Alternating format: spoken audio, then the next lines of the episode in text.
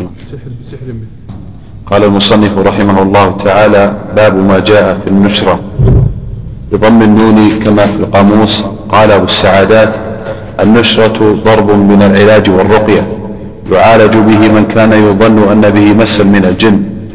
سميت نشرة لأنه ينشر بها عما خامره من الداء. لأنه ينشر بها. عندي بالفتح.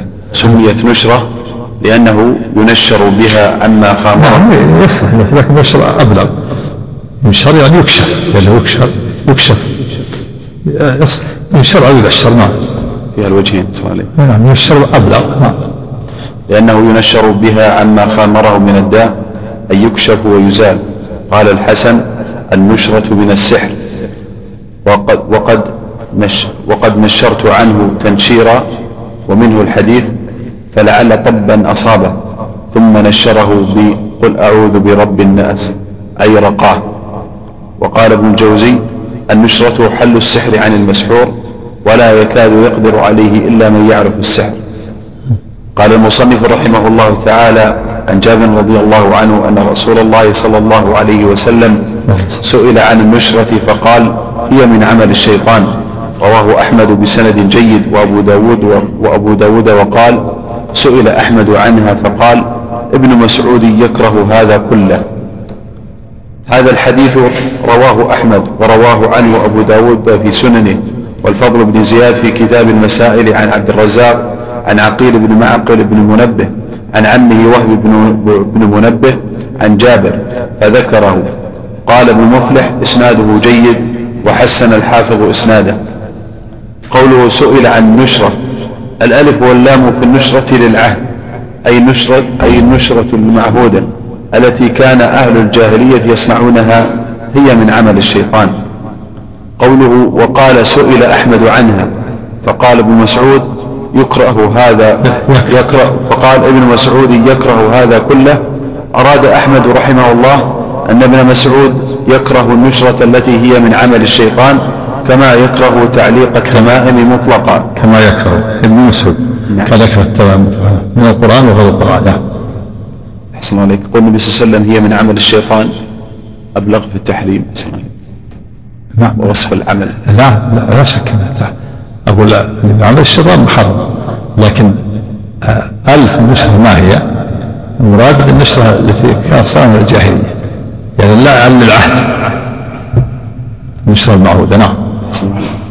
قال المصنف رحمه الله تعالى وللبخاري عن قتادة قلت لأبي وعن وللبخاري عن قتادة قلت لابن المسيب رجل به طب أو يؤخذ عن امرأته أو يحل عنه أو ينشر.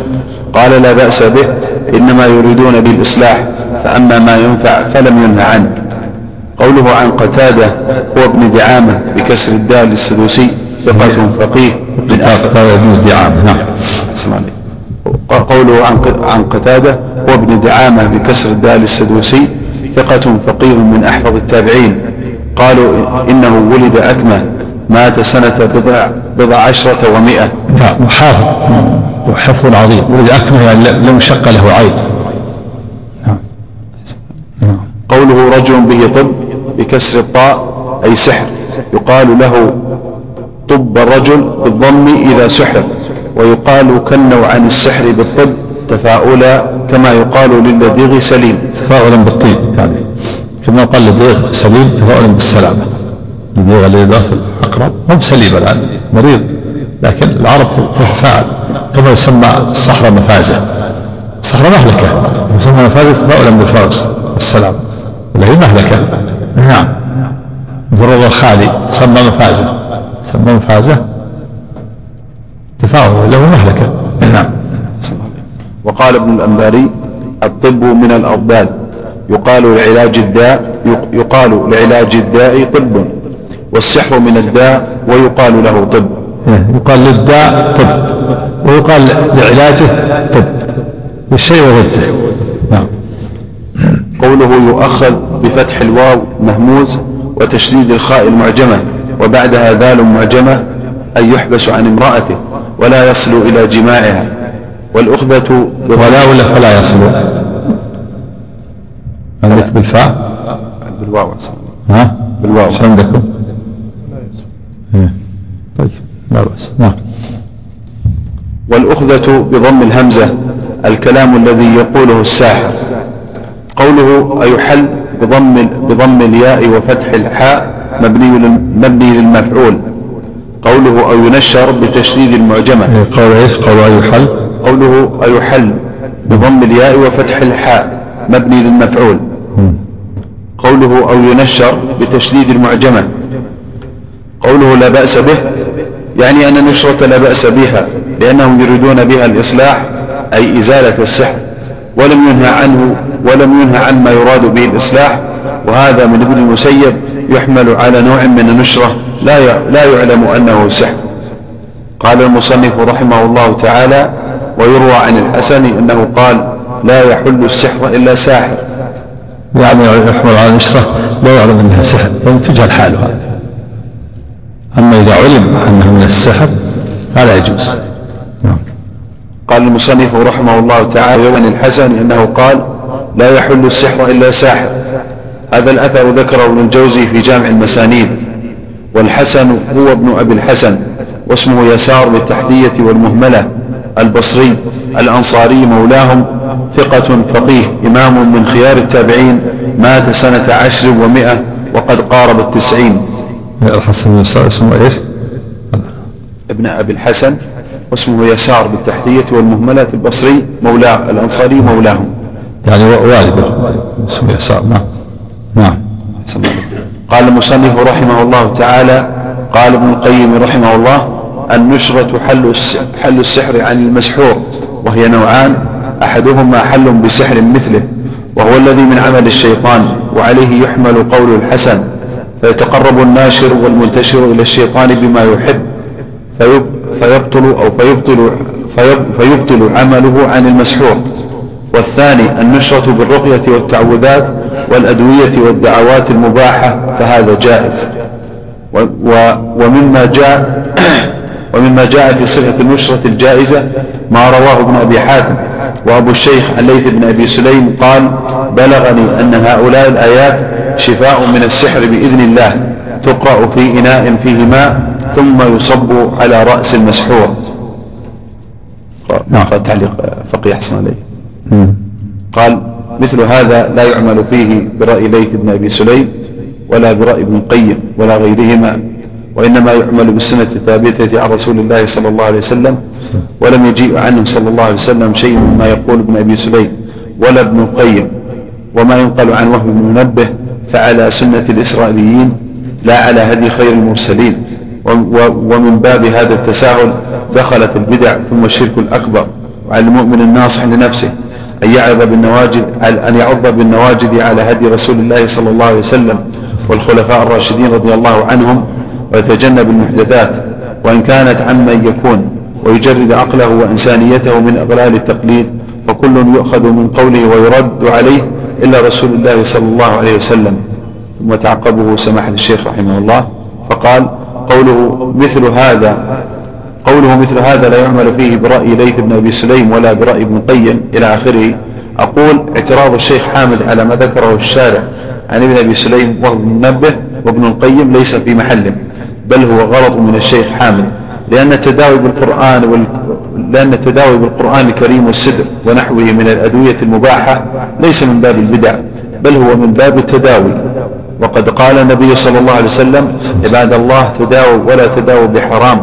وثبت في سنن أبي داود من كتاب الطب أن النبي صلى الله عليه وسلم قرأ في ماء في إناء وصبه على المريض وبهذا يعلم أن التداوي بالسدر وبالقراءة في وبالقراءة في الماء وصبه على المرضى ليس فيه محذور من جهة الشرع إذا كان إذا كانت القراءة سليمة وكان الدواء مباحا والله ولي التوفيق. نعم. نعم ولأن الأدوية هنا تكون بالتجارب تعرف بالتجارب. كل دواء يعرف فائدته بالتجارب وليس فيه محذور شرعا. ما فيه نجاسة ولا فيه ولا يسكر ولا مخدر. أصله من الأمور المباحة.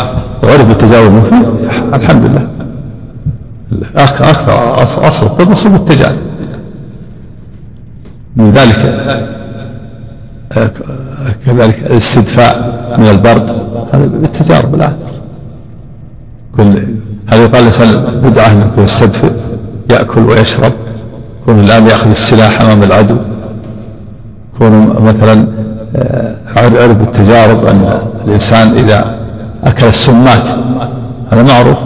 إذا أكل شيء يضر يضره. وإذا تجنب الأشياء سلم وإذا شرب من الأدوية الداء الفلاني فإنه يستفيد. هكذا العرب يعرفون بالتجارب. هكذا نشأ الطب شيئا بعد شيء. حتى وصل لما وصل إليه.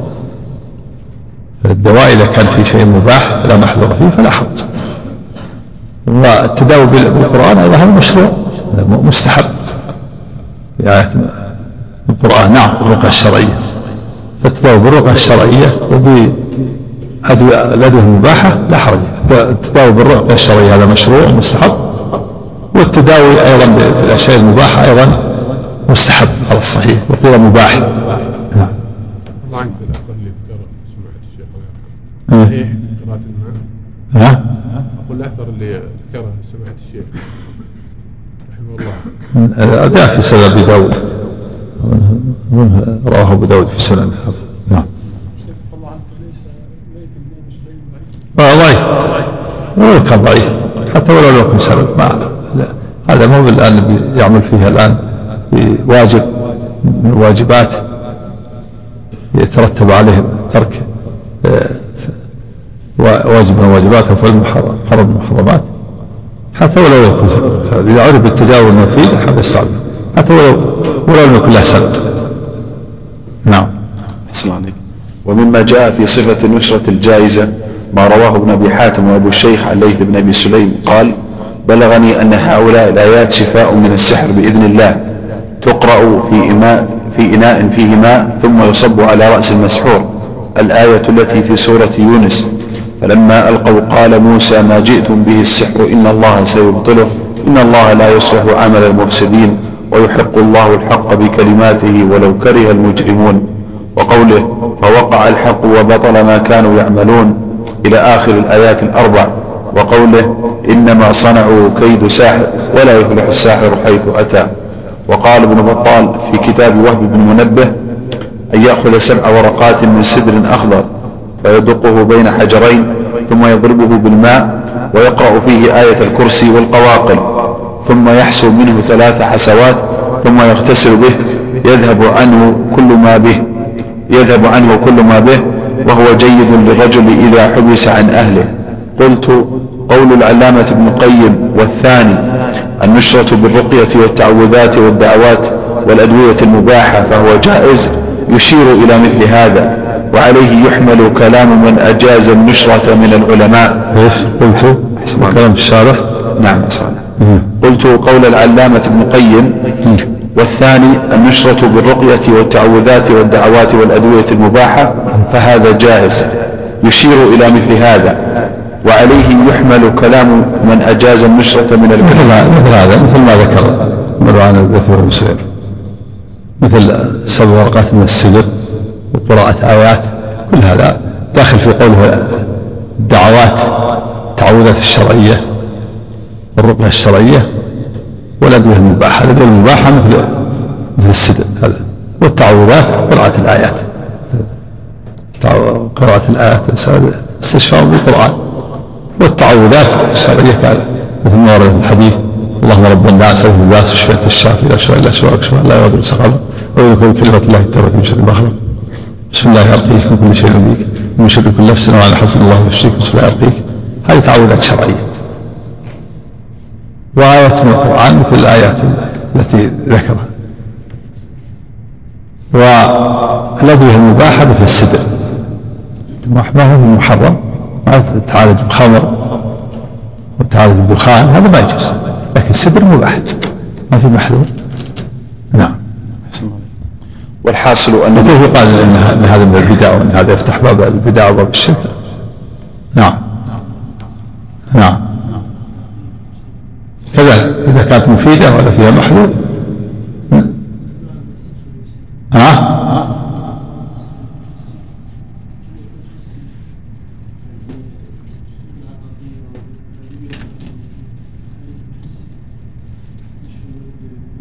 نعم قد قد يشفى قد نعم حسي قد يدفعه الله بالأشياء المباحة والتعوذات الشرعية.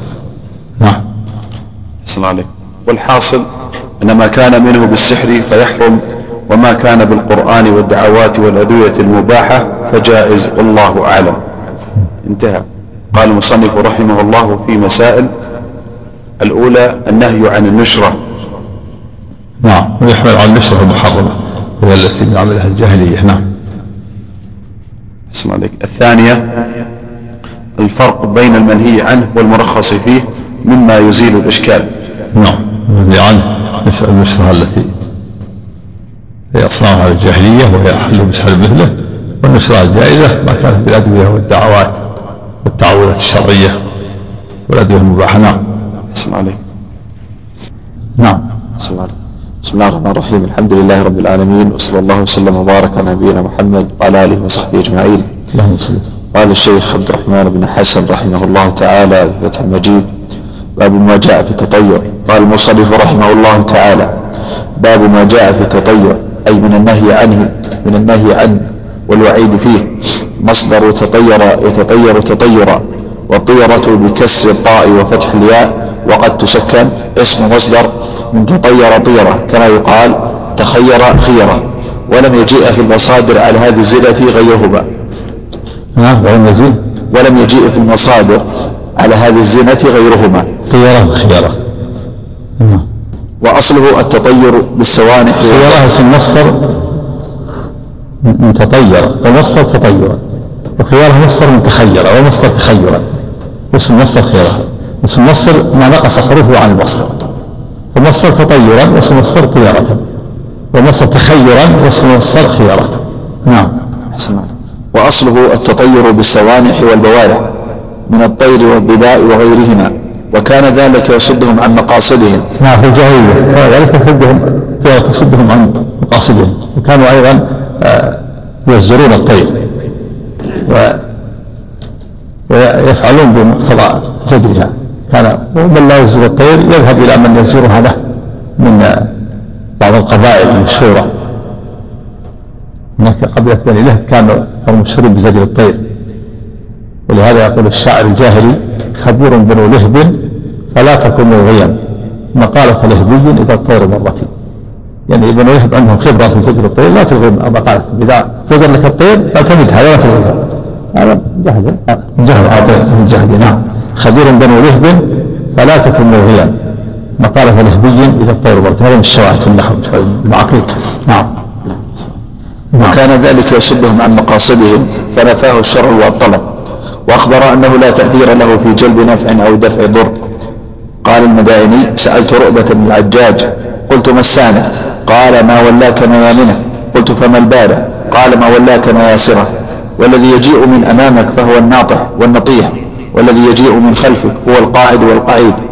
هكذا يسمونه السالح من الأمام والبارح من اليسار الناطح من الأمام والقاعد والقعيد من الخلف. هذا خبر بالولاية في ابتداء الابتداء بالنكرة. خبر نعم. ولما والنكرة موصوفة نعم.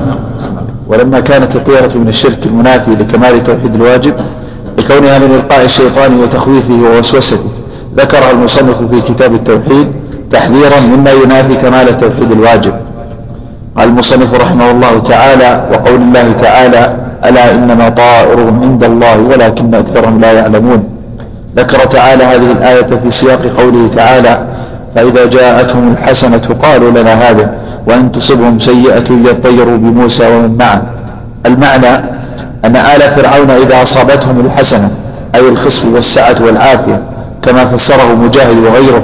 قالوا لنا هذه أي نحن الجديرون والحقيقون به ونحن أهله. وأن تصيبهم سيئة أي بلاء وقحط يطيروا بموسى ومن معه. فيقولون هذا بسبب موسى وأصحابه. أصابنا بشؤمهم. فقال الله تعالى ألا إنما طائرهم عند الله. قال ابن عباس طائرهم ما قضى عليهم وقدر لهم. ما قضي عليهم. ما قضي عليهم وقدر لهم. قدر. الله.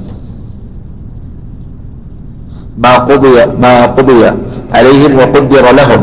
وفي رواية شؤمهم عند الله ومن قبله. أي إنما جاءهم الشؤم من قبله بكفرهم وتكذيبهم بآياته ورسله قوله ولكن أكثرهم لا يعلمون. أي أن أي أن أكثرهم جهال لا يدرون. ولو فهموا وعقلوا لعلموا أنه ليس فيما جاء به موسى عليه الصلاة والسلام إلا الخير والبركة والسعادة والفلاح لمن آمن به واتبعه قال المصنف رحمه الله تعالى وقوله تعالى قالوا طائركم معكم أين ذكرتم بل أنتم قوم مسرفون. المعنى والله أعلم. حظكم وما ناب وما نابكم من شر معكم بسبب أفعالكم وكفركم وكفركم ومخالفتكم الناصحين. ليس هو من أجلنا ولا بسببنا بل ببغيكم وعداوتكم فطائر الباغي الظالم معه فما وقع به من الشرور فهو سببه الجالب له. وذلك بقضاء الله وقدره وحكمته وعدله كما قال تعالى أفنجعل المسلمين كالمجرمين؟ ما لكم كيف تحكمون؟ واحتمل أن يكون المعنى طائركم معكم أي راجع عليكم فالتطير الذي حصل لكم إنما يعود عليكم. وهذا من باب القصاص في الكلام ونظيره قوله عليه الصلاة والسلام إذا سلم عليكم أهل الكتاب فقولوا وعليكم ذكره ابن القيم. قوله أن ذكرتم أي من أجل أن ذكرناكم وأمرناكم بتوحيد الله قابلتمونا بهذا الكلام بل أنتم قوم مسرفون. وقال قتادة أئن ذكرناكم بالله تطيرتم بنا ومناسبة الآيتين للترجمة أن التطير من عمل أهل الجاهلية والمشركين. وقد ذمهم الله به ومقتهم وقد نهى رسول الله صلى الله عليه وسلم عن التطير وأخبر أنه شرك كما سيأتي في أحاديث الباب.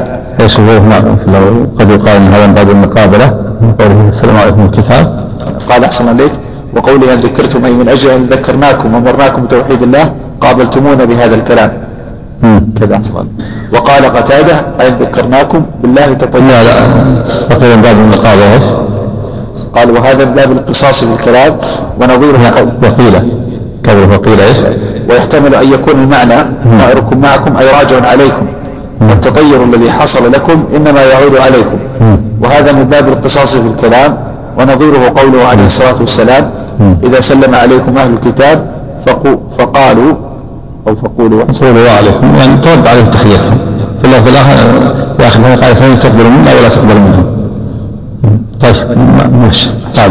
قال المصنف رحمه الله تعالى عن أبي هريرة رضي الله تعالى عنه أن رسول الله صلى الله عليه وسلم قال لا عدوى ولا طيره ولا هامة ولا صفر أخرجاه زاد مسلم ولا نوء ولا غول. قال أبو السعدات العدوى اسم من الإعداء كالرأوى يقال أعداه الداء. كالدعوة. احسن عليكم. قال أبو السعدات العدوى اسم من الإعداء. كالرعوى. كالدعوة. كالدعوة. إيش عندك؟ شو هذا؟ يقال أعداه الداء يعديه إعداء. ذكر الله الحاشية قال في قاء كالدعوة تحريف. تحريف؟ كالرعوان هذا كلام هو مشدد ها كالرعوة عندك قبل المحققة هذه نسخة الفقيه؟ حامد فقيه. والثاني؟ والمحقق عفى الله عنك في الحاشية. مم. قاء كالدعوة تحريف وأثبت عندها الرعوة. الرعوة. يحتاج ها؟ نص اشفق عن مسلم نعم. يقال أعداه الداء يعديه إعداء أي إذا أصابه آه، يعديه داء إذا أصابه مثل ما بصاحب الداء. وقال غيره لا عدوى هو اسم من الإعداء وهو مجاوزة العلة من صاحبها إلى غيره. والمنفي نفس سراية العلة أو إضافتها إلى العلة والأول هو الظاهر. وفي رواية المسلم أن أبا هريرة رضي الله عنه كان يحدث بحديث لا عدوى. ويحدث عن النبي صلى الله عليه وسلم أنه قال لا لا يورد ممرض على مصح. ثم إن أبا هريرة اقتصر على حديث لا يورد ممرض على مصح وأمسك عن حديث لا عدوى. فرجعوه وقالوا سمعناك تحدثه. فأبى أن يعترف به. قال أبو سلمة الراوي عن أبي هريرة فلا أدري أنسي أبو هريرة أو نسخ أحد القولين الآخر. وقد روى حديث لا عدوى جماعة من الصحابة أنس بن مالك وجابر بن عبد الله وسعد بن يزيد وابن عمر وغيرهم رضي الله تعالى عنهم. وفي بعض روايات هذا الحديث وفر من المجذوم كما تفر من الأسد.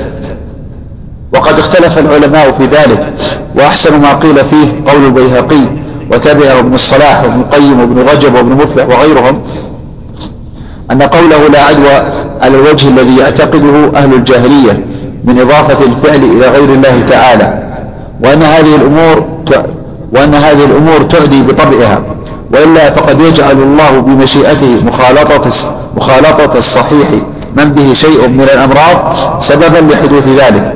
ولهذا قال وفر من المجذوب كما تفر من الأسد وقال لا يورد ممرض, ممرض على مصح وقال في الطاعون من سمع به في أرض فلا يقدم عليه وكل فلا يقدم عليه.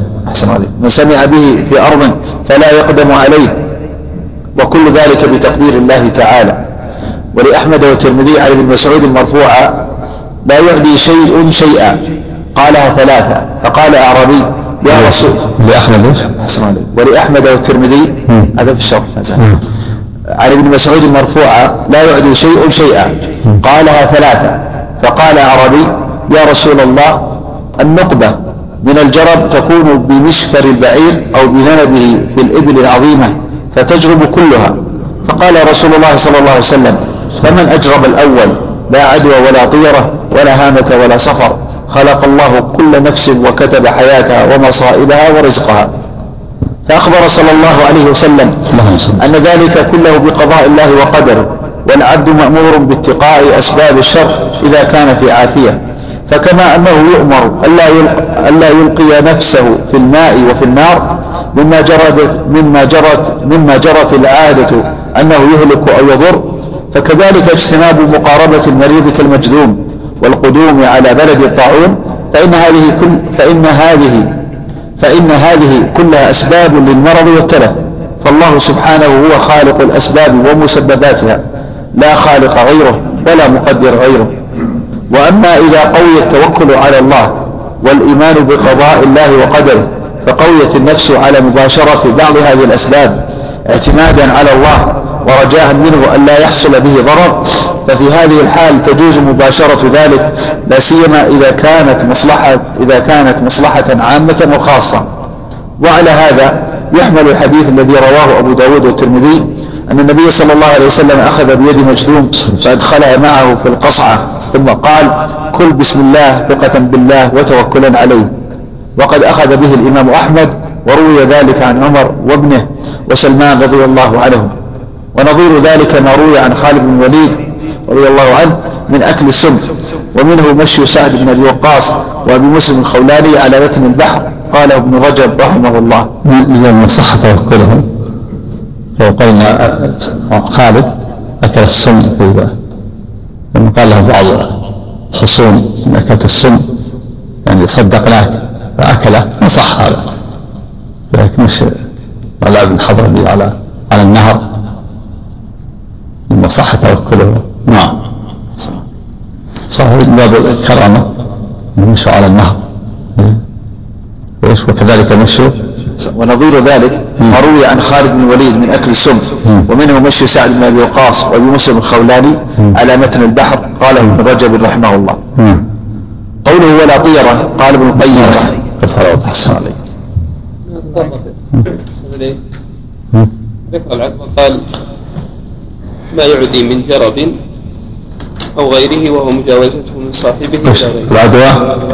والعدوى ما يعدي من جرب أو غيره وهو مجاوزته من صاحبه إلى غيره. نعم. والعدوية. والدعوة ما في؟ كالدعوة. الدعوة ما في فيها الرعوة. الرعوة مثل ما مثل ما ذكر. ذكر يقول الدعوة تحرف نعم. هي ذكر أنه خرج له مسلم. لكن مقرون مقرون مقرون أو أو في المتابعات نعم. ها إيش صاحب المنهاج؟ إيه. ها؟ شوف أعزه صاحب النهاية. نسخ الموت وش قال ابو السعادة إيش؟ يراجع النهاية صحيح يراجع النهاية صحيح في غالب الحديث. راجع. والربوع ويفتح. يراجع النهاية النهاية النهاية السعادة نعم كتاب النهاية نعم. مراجعة ويشوف الدعوة والدعوة يراجع النهاية نعم. بسم الله الرحمن الرحيم. الحمد لله رب العالمين. صلى الله وسلم وبارك على نبينا محمد وعلى آله وصحبه أجمعين. قال الشيخ عبد الرحمن بن حسن رحمه الله تعالى قوله ولا طيرة. قال ابن القيم رحمه الله تعالى يحتمل أن يكون نفيا أو نهيا أي لا تطيروا ولكن قوله في الحديث ولا عدوى ولا صفر ولا هامة يدل على أن المراد النفي. وإبطال هذه الأمور التي كانت في الجاهلية التي كانت الجاهلية تعانيها. والنفي أبلغ من النهي. النفي أبلغ. لا عدوى ولا طيرة نفي وجود الشيء أبلغ من النهي عنه. يعني لا طيرة يعني لا ينبغي أن يوجد مثل هذا. وإذا ورد النهي كذلك النبي نهى عن ذلك ولا ويجب على الإنسان أن يترك ما نهى عنه النبي صلى الله عليه وسلم. نعم. محتمل تقول لا طيرة أن المعنى لا لا تتغير. ومحتمل يكون نفي لا طيرة يعني لا وجود لا ينبغي أن يكون وجود لا ينبغي أن أن تكون الطيرة موجودة بين المسلمين نعم. وإبطال هذه الأمور التي كانت الجاهلية تعانيها والنفي في هذا أبلغ من النهي. لأن النفي يدل على بطلان ذلك وعدم تأثيره والنهي إنما يدل على المنع على المنع منه. وهذا الفرق. لأن النفي نعم. والنفي في هذا أبلغ من النهي لأن النفي يدل لأن النفي يدل على بطلان ذلك وعدم تأثيره والنهي إنما يدل على المنع منه. وفي صحيح مسلم المعايض المعايض بن حكم رحمه رضي الله عنه فرق بين نفي الشيء. وبطلانه وعدم تأثيره وبين النهي عنه. نعم. وفي صحيح مسلم المعاوية بن حكم رضي الله تعالى عنه أنه قال رسول الله صلى الله عليه وسلم ومنا أناس يتطيرون. قال قال ذلك شيء يجده أحدكم في نفسه فلا يصدنكم. فأخبر أن تأذيه وتشاؤمه بالطيرة إنما هو في نفسه وعقيدته لا في المتطير به. فوهمه وخوفه وإشراكه هو الذي يطيره ويصده. لا ما رآه وسمعه. إيش؟ حسن عليك فأخبر. قال فأخبر أن تأذيه وتشاؤمه بالطيرة. تأذيه؟ ها؟ تأذيه. منصوبة نعم. فأخبر أن تأذيه وتشاؤمه بالطيرة إنما هو في نفسه وعقيدته لا في المتطير به. فوهمه وخوفه وإشراكه هو الذي يطيره ويصده لا ما رآه وسمعه.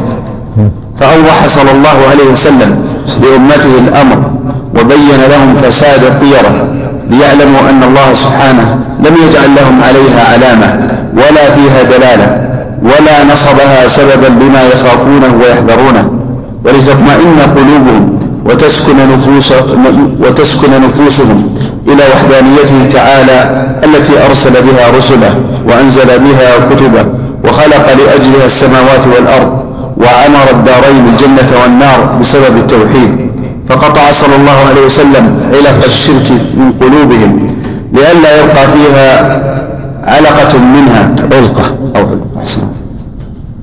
لئلا يبقى فيها علقة منها. يعني لا جميع ما يتعلق بأسباب الشرك وعلائقه. كلها قطعها النبي صلى الله عليه وسلم. ولا عدوى ولا طيار ولا هامة. جميع ما يتعلق بالشرك وما يتعلق به المشركون ويتوهمونه نفاه النبي صلى الله عليه وسلم وأبطله. ولا يبقى لمشرك أو مبتدع يتعلق. نعم. فقطع صلى الله عليه وسلم علق الشرك من قلوبهم لئلا يبقى فيها علقة منها ولا يتلبس بعمل من أعمال أهل النار البتة. فمن استمسك بعروة التوحيد الوثقى واعتصم بحبه المتين وتوكل على الله قطع هاجس الطيرة من قبل استقرارها وبعد من قبل. من قبل استقرارها. قطع هاجس الطيرة من قبل استقرارها وبادر خواطرها من قبل استمكانها. قال عكرمة كنا جلوسا عند ابن عباس فمر طائر يصيح فقال رجل من القوم خير خير. فقال ابن عباس لا خير ولا شر فبادره بالإنكار عليه لئلا يعتقد تأثيره في الخير والشر. وش عند الطائر طير قال خير خير قال لا خير ولا شر. ما مسكين طائر ما, ما يعلم شيء. كيف قال خير؟ لا لا خير ولا شر لا هذا ولا هذا. يعني لا لا تتعلق بشيء ابدا. وش عند الطائر طائر. النار وش عنده من الخير أو من الشر. ما عنده لا هذا ولا هذا. مخلوق ضعيف. نعم. والله إلى الآن إذا ضرب إذا دق أحد عليه متأخر في الليل قال خير إن شاء الله سواء في الهاتف أو أو في في منزله. هذا من هذا ولا؟ لا هذا مثل ما جاء في الحديث الله طريقة إلا تقول بخير تقول بخير يا رحمن. هذا آدمي عاقل. اللي اتصل به وهذا الطالب هذا الباب ما يدل على أنه له له أدلة. منه نعم. اسمع ليس من هذا نعم. نعم قال قال أكرمة قال فبادره بالإنكار عليه لئلا يعتقد تأثيره في الخير والشر. وخرج طاووس مع صاحب له في سفر فصاح غراب فقال الرجل خير فقال طاووس وأي خير عند هذا؟ لا تصحبني انتهى ملخصا. عقوبة العاقبة عز تعزير. قال تصحبني لأن عندك تعلق به. والغراب عنده؟ لا خير ولا شر. عزره باب التعزير حتى يرتدع. نعم. وقد جاءت أحاديث ظن بعض الناس أنها تدل على جواز الطيرة. كقوله صلى الله عليه وسلم الشؤم في ثلاث في المرأة والدابة والدار ونحو هذا. قال ابن القيم رحمه الله إخباره صلى الله عليه وسلم بالشؤم في هذه الثلاثة ليس فيه إثبات الطيرة التي نفاها الله وإنما غايته أن الله سبحانه قد يخلق منها أعيانا مشؤومة على من قاربها وسكنها وأعيانا مباركة لا يلحق من قاربها منها شؤم ولا شر. وهذا كما يعطي سبحانه الوالدين ولدا مباركا يريان الخير على وجهه ويعطى غيرهما ولدا مسؤوما يريان الشر على وجهه. وكذلك ما يعطاه العبد من ولاية أو من ولاية أو غيرها. فكذلك الدار والمرأة والفرس. والله سبحانه خالق الخير والشر والسعود والنحوس. فيخلق بعض هذه الأعيان سعودا مباركة ويقضي بسعادة من قاربها وحصول الذل والبركة له ويخلق بعضها نحوسا ليتنحس بها من قاربها وكل ذلك بقضاء الله وقدره كما خلق سائر الأسباب ورب وربطها بمسبباتها المتضادة والمختلفة كما خلق المسك وغيره من الأرواح الطيبة. ولذذ بها من قارب ولذذ بها من قاربها من الناس وخلق ضدها وجعلها سببا لألم من قاربها من الناس. والفرق بين هذين النوعين مدرك بالحس. فكذلك في الديار والنساء والخيل فهذا لون فهذا لون والطيرة الشركية لون انتهى. يعني هذا ليس من باب التطير. حديث إن كان الشم في ثلاث وفي إن يكون الشم ففي ثلاث. المرأة والدار والدابة المراد أن بعض الأعيان جعل, جعل الله فيها يوم البركة وبعض الأعيان جعل الله فيها شم نحس. بعض النساء قد تكون فيها نحس ويحصل له متاعب وآلام مشاكل. وهذا يؤمر بطلاقها فإذا طلقها زالت كذلك بعض الدور قد يكون فيها شؤم قد يحصل الإنسان فيها. ما يشق عليه. فإذا غيرها زال. وكذلك الدابة الفرس مثل السيارة. قد تكون السيارة مثلا هي تمر مناب الدابة. قد يكون هذه السيارة تؤذيها وهذه الدابة تؤذيه. الدابة تطرح ويسقط عنها. والدابة يصير فيها خراب. كثير إصلاحات كثيرة تؤذيه وإذا غيرها زال. كذلك مثلا الدابة. الدابة تطرح ويسقط عنها والدابة يصير فيها خراب كثير إصلاحات كثيرة تؤذيه إذا غيرها زاد كذلك مثلا الدابة. فهذا ليس من هذا الباب. هذا باب أن بعض الأعيان جعل الله فيها يمن وبركة وبعض الأعيان جعل الله فيها نحس وشوك تؤثر على من قاربها نعم. قال أن المعنى إن كان الشؤم في شيء ففيها ثلاث إيه. يعني أن ليس هناك فيها شؤم لكن إن كان شؤم إيه. فهو في هذه إن يكون الشؤم حديث فسر بعضها بعضا فإن يكون الشؤم في ثلاث وفي لفظ الشؤم في ثلاث. جزم جزم الشؤم في ثلاث. نعم. نعم. ما إيش؟ اي ممكن نعم قد الشوف يكون كما هو حاصل الآن. بعض الأزواج يكون فيه شوف. يؤذي المرأة ويشق عليها ولا ينفق عليها ويمنعها من صلة رحمها ويمنعها حقها وقد يفعل المعاصي ويفعل الكبائر. هذه تؤتمر بفراقه. يطالب وليه بفراقه مثل ما هو حاصل الآن؟ كثير يسالون الآن في الهاتف. تقول زوجها يشرب الخمر والعياذ بالله زوجها لا يأتي الا في آخر الليل زوجها كذا وكذا زوجها يدخل عليها بعض الناس بعض الليل تستوحش وكذا وتسمع أصوات وأشياء كثيرة من هذا القبيل هذا مشهور هذا الزوج مشهور يجب على وليها لها أن تطالب بالفسخ ولا تبقى معه نعم حتى يتوب. نعم. بعضه لا يصلي نعوذ بالله ولا نعم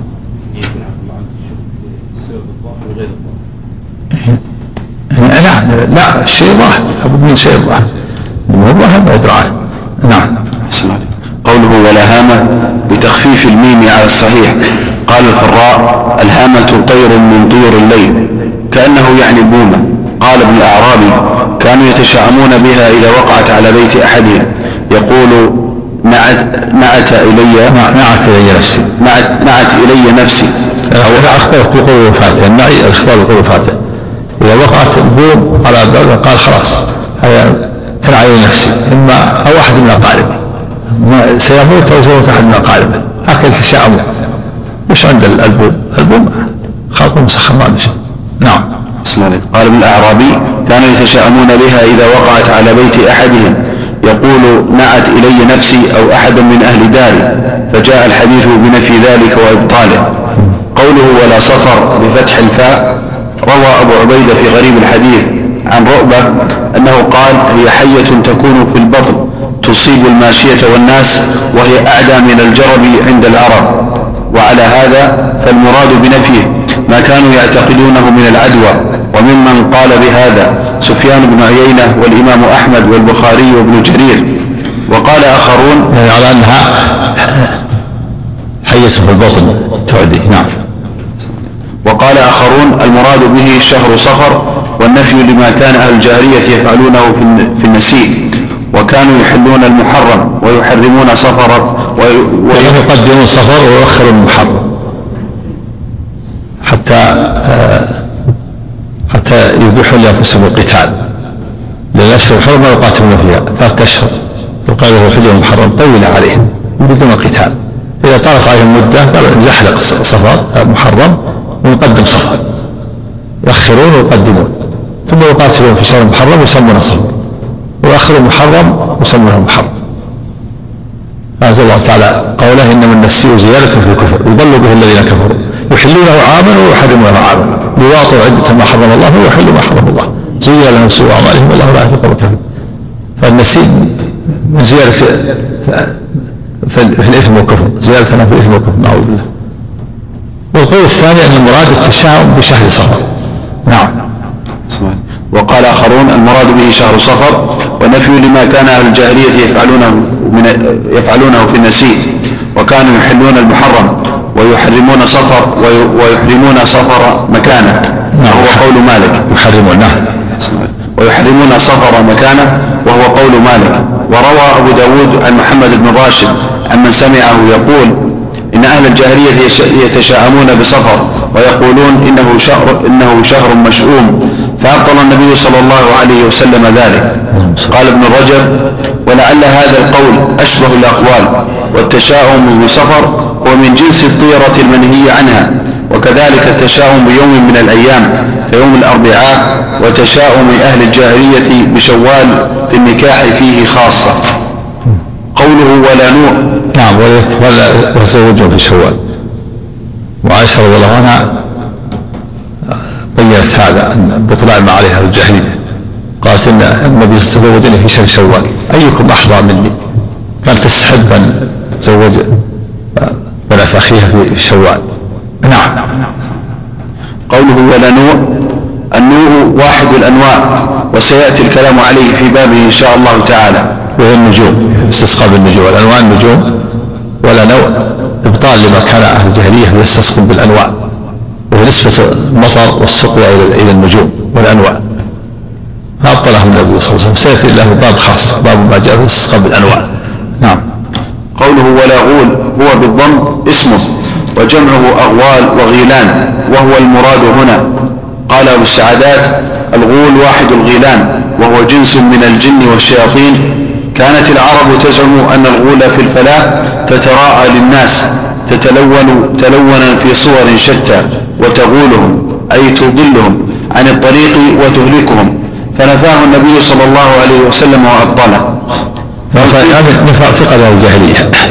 أن الغول تتراءى للناس في الفلوات والصحاري وتتلون بألوان أشكال تظلهم وتهلكهم وتخيفهم فأبطله النبي صلى الله عليه وسلم ولا ولا غو نعم. جاء في الحديث إذا تغولت الغيلان فبادروا بالأذان. إذا إذا رأى هذه الصورة في البرية أذن تذهب. لكن الحديث فيه ضعف. نعم. رجع الحديث فيه ضعف. الحديث نعم. نعم فإن ها؟ يمكن. إذا كان وحده. كان وحده يرى. لكن أخبر يعني الثقات أنهم أنهم آه، رأوا شيئا من ذلك فيؤذنون فيزول. نعم. فإن قيل ما معنى النفي؟ وقد قال النبي صلى الله عليه وسلم إذا تغولت نعم. الكلام نعم. قول الرسول في سنة قيل فإن الشياطين لا تقيل. من هذا؟ نعم. القيلولة قيل يحتاج إلى ثبوت الحديث. قيام من القيلولة يعني. نعم. فإن قيل ما معنى النفي؟ وقد قال النبي صلى الله عليه وسلم إذا تغولت الغلام فبادروا بالأذان أجيب عنه بأن ذلك كان في الابتداء ثم دفعه الله عن عباده أو يقال المنفي ليس وجود الغول بل ما يزعمه العرب. فإن قيل؟ أحسن عليك فإن قيل. فإن قيل ما معنى النفي وقد قال النبي صلى الله عليه وسلم إذا تغولت الغيلان فبادروا بالأذان. ما معنى في لا له؟ كيف أنه ينفي والحديث الآخر يقول إذا تغولت الغيلان فبادروا بالأذان. الحديث يثبت الغول الحديث إذا تغولت الغيلان. وحديث هنا حديث أبي هريرة ينفي الغول فما الجمع بينهما؟ نعم. أجيب عنه بأن ذلك كان في الابتداء ثم دفعه الله عن عباده. هذا يقال هذا يعني كانت الغلاف في الأول توجد ثم دفع الله عباده فقال له لا غول نعم هذا الجواب الأول. نعم. أو يقال المنفي ليس وجود الغول بل ما يزعمه العرب من تصرفه من تصرفه في نفسه. أو يكون المعنى يعني آه، هذا القول الثاني أن الرسول ما نفى وجودها وإنما نفى ما تزعم العرب بكم تضل الناس وتهلكهم نعم. أو يكون المعنى بقوله لا غول. أنها لا تستطيع أن تضل أحدا مع ذكر الله والتوكل عليه. ويشهد له الحديث الآخر لا غول ولكن السعالي سحرة الجن. أي ولكن في الجن سحرة لهم تلبيس وتخيل أو, أو, أو, أو, أو يكون الثالث. أو يكون المعنى بقوله لا غول أنها لا تستطيع أن تضل أحدا مع ذكر الله والتوكل عليه. ويشهد له الحديث الآخر لا غول ولكن ولكن السعالي سحرة الجن. أي ولكن في الجن سحرة لهم ولكن في الجن سحرة سحرة لهم تلبيس وتخيل ومنه الحديث إذا تغولت الغيلان فبادروا بالأذان أي ادفعوا شرها بذكر الله. وهذا يدل على أنه لم يرد بنفيها عدمها ومنه حديث أبي أيوب. هذا إذا صح الحديث لكن حديث ضعيف. إيش قال عليه؟ هذه حاشية. ها؟ سند أحمد وأبو يعلى وابن خزيمة. في الصحيح والنسائي في عمل اليوم والليلة. والدنيوري في عمل اليوم والليلة. والديلمي في المسند من حديث جابر. قال الهيثمي في مجمع الزوائد رواه أبو يعلى ورجاله رجال الصحيح وله شاهد من حديث سعد. ابن أبي وقاص أخرجه عبد الرزاق في المصنف والبزار في المسند. قال الهيثمي في مجمع الزوائد رواه البزار ورجاله ثقات إلا أن الحسن البصري لم يسمع من سعد فيما أحسن وله شاهد. قال قال هذا الهيثمي يعقل قال رواه البزار ورجاله ثقات إلا أن الحسن البصري لم يسمع من سعد. بسند الحسن البصري نعم. فيما أحسب وله شاهد آخر من حديث أبي هريرة أخرجه ابن خزيمة في الصحيح. والطبراني في الدعاء وأخرجه عبد الرزاق في المصنف عن عن الحسن مرفوعا وأصله في صحيح مسلم دون اللفظ المذكور. أصله؟ في صحيح مسلم دون اللفظ المذكور. وين اللفظ المذكور. ها؟ أصل الحديث. هذا لا لا غير ثبتت غير لكن هذا قال في حاشية السيوطي قال السيوطي في الجامع الصغير. رواه الطبراني في الأوسط عن أبي هريرة وهو ضعيف. كذلك نقل عن النبي السديد أنه ضعيف. لكن هنا قال لك له شاهد؟ له شاهد إيش؟ هذا بحس قال له شاهد آخر من حديث أبي هريرة أخرجه ابن خزيمة في الصحيح. والطبراني في الدعاء. ينظر الشاهد. معناه يتقوى به حسب غيره إذا كان الشاهد ليس ضعيفا. هذا هذا هذا نعم. نعم. الواقع يثبت وجود نعم قد يقال هذا. انه إن الواقع يعني الثقات اخبروا بانه يشاهدون الاشياء في البرية شيء من هذا وان تزول بالأذان. بعض إذا أذنوا. هذا يؤيد أن يعني صحة له شاهد الحديث وإن كان الحديث ضعيف لكن له شاهد الطبراني المبان وعند ابن خزيمة. عند ابن خزيمة. راجع. راجع. الطبراني خزيمة الشاهد يؤيده نعم يؤيده الواقع. لأن هذا واقع. في الأوقات البديهة يظهر صور فإذا أذن المؤذن زالت. إذا أذن يأذن مثل أذان الصلاة. وتزول. هذا الواقع يؤيد يعني من الحديث. يكون حسن يكون الحديث حسن لغيره. نعم. نعم.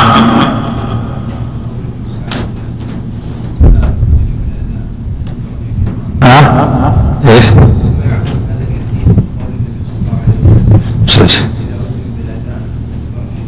نعم. هذا الحديث صحيح ثابت في صحيح مسلم.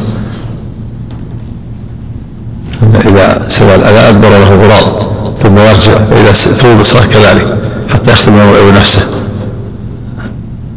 نعم. هذا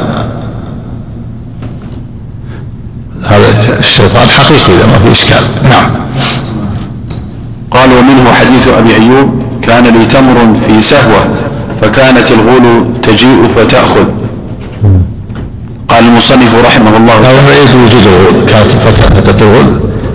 ويؤيده إيش؟ ويؤيده أحسن عليك. قال ومنه الحديث إذا تغولت الغيلان فبادروا بالأذان أي يدفعوا شرها بذكر الله وهذا يدل على أنه لم يرد بنفيه عدمها.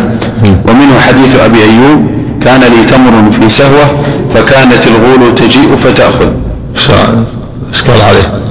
قال قطعة حديث أخرجه الترمذي في الجامع وقال حديث وقال هذا حديث حسن غريب وأحمد في المسند وأبو نعيم في الدلال وطبراني في الكبير. بس نعم قال المصنف رحمه الله تعالى ولهما عن أنس قال قال رسول الله صلى الله عليه وسلم لا عدوى ولا طيرة ويعجبني الفأل. قالوا وما الفأل؟ قال الكلمة الطيبة قوله ويعجبني الفأل قال السعدات الفأل مهموز فيما يسر ويسوء والطيرة لا تكون إلا فيما يسوء وربما استعملت فيما يسر. يقال تفاءلت بكذا. قال أبو السعادة. قال أبو السعدات قال نعم قال ابو السعادات الفأل مهموز فيما يسر ويسوء. والطيرة لا تكون. ابو السعادات هو ابن الاثير الجزري في غريب الحديث. نعم. الفأل مهموز نعم. قال الفعل مهموز فيما يسر ويسوء. والطيرة لا تكون إلا فيما يسوء. وربما استعملت فيما يسر. يقال تفاءلت بكذا وتفاولت على التخفيف والقلب. ولقد أولع الناس بترك كل الفعل مستثنى من الطيرة. الطيرة تسمى فيما يسوء والفعل فيما يسر وقد يسمى فيما يسوء.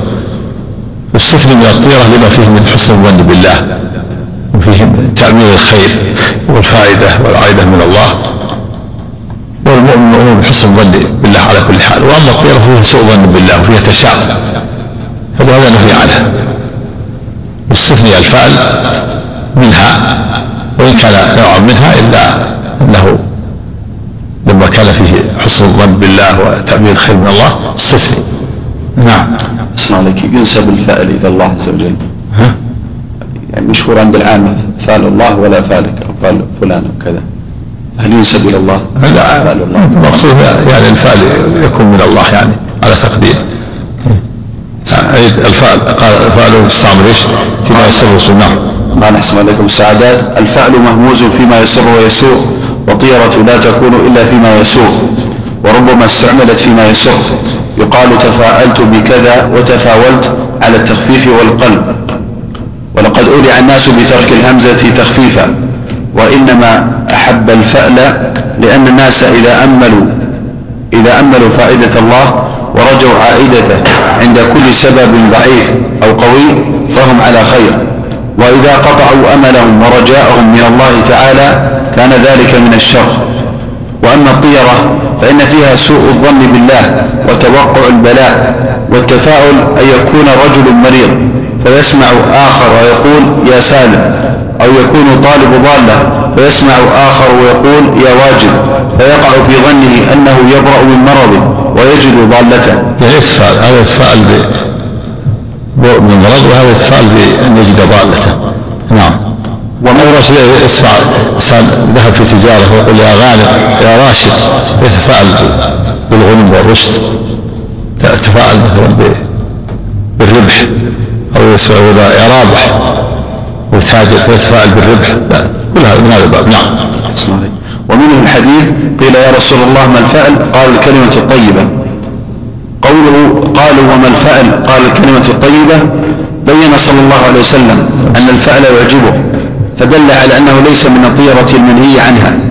قال ابن القيم رحمه الله ليس في الإعجاب بالفعل ومحبته شيء من الشرك بل ذلك إبانة عن مقتضى الطبيعة بموجب الفطرة الإنسانية التي تميل إلى ما يوافقها ويلائمها كما أخبرهم صلى الله عليه وسلم أنه حبب إليه النساء والطيب وكان يحب الحلواء والعسل ويحب حسن الصوت. قال ابن القيم. قال ابن القيم رحمه الله ليس في الإعجاب بالفأل ومحبته شيء من الشرك بل ذلك إبانة عن مقتضى الطبيعة وموجب الفطرة الإنسانية التي تميل إلى ما يوافقها ويلائمها كما أخبرهم صلى الله عليه وسلم أنه حبب إليه النساء والطيب وكان يحب الحلواء والعسل ويحب حسن الصوت بالقرآن والأذان ويستمع إليه ويحب معالي ويحب معالي الأخلاق ومكارم الشيم وبالجملة يحب كل كمال وخير وما يفضي إليهما. والله سبحانه قد جعل في غرائز الناس الإعجاب بسماع بسماع الاسم الحسن ومحبته وميل نفوسهم إليه. وكذلك جعل فيها الارتياح والاستبشار والسرور باسم الفلاح والسلام والنجاح والتهنئة والبشرى والفوز والظفر ونحو ذلك. فإذا قرأت هذه الأسماء والأسماع استبشرت بها النفس وانشرح لها الصدر وقوي بها القلب. وإذا سمعت أضدادها أوجب لها أوجب لها ضد هذه الحال. فأحزنها ذلك وأثار لها خوفا وطيرة وانكماشا وانقباضا عما قصدت أو عما قصدت له وعزمت عليه. قصدت. أحسن عليك. عما قصدت له وعزمت عليه. فأورث لها ضررا في الدنيا ونقصا في الإيمان ومقارفة الشرك. وقال الحليمي وإنما كان صلى الله عليه وسلم يعجبه الفأل لأن التشاؤم سوء ظن بالله تعالى بغير سبب محقق والتفاؤل حسن, حسن ظن به والمؤمن مأمور بحسن الظن بالله تعالى على كل حال. صحيح. كلام طيب. نعم. قال المصنف رحمه الله تعالى ولأبي داود بسند صحيح عن عقبة بن عامر رضي الله عنه قال بارك الله سم الترمذي صار في مجال يمكن بعد نعم. هذا السائل يقول فضيلة الشيخ رجل كان يعمل في إدارة حكومية وكان قد اختلس أشياء من هذه الإدارة أجهزة ونحوها وقد ترك تلك الإدارة وهو الآن تائب ويخشى أن يعيد تلك الأجهزة إما من العقاب أو من الافتضاح فهل يتصدق بقيمتها؟ هذا إن استطاع أن يعيدها آه، يعيدها. ولو ولو لم يقل إن إنه أخذها ولو لم يسمي نفسه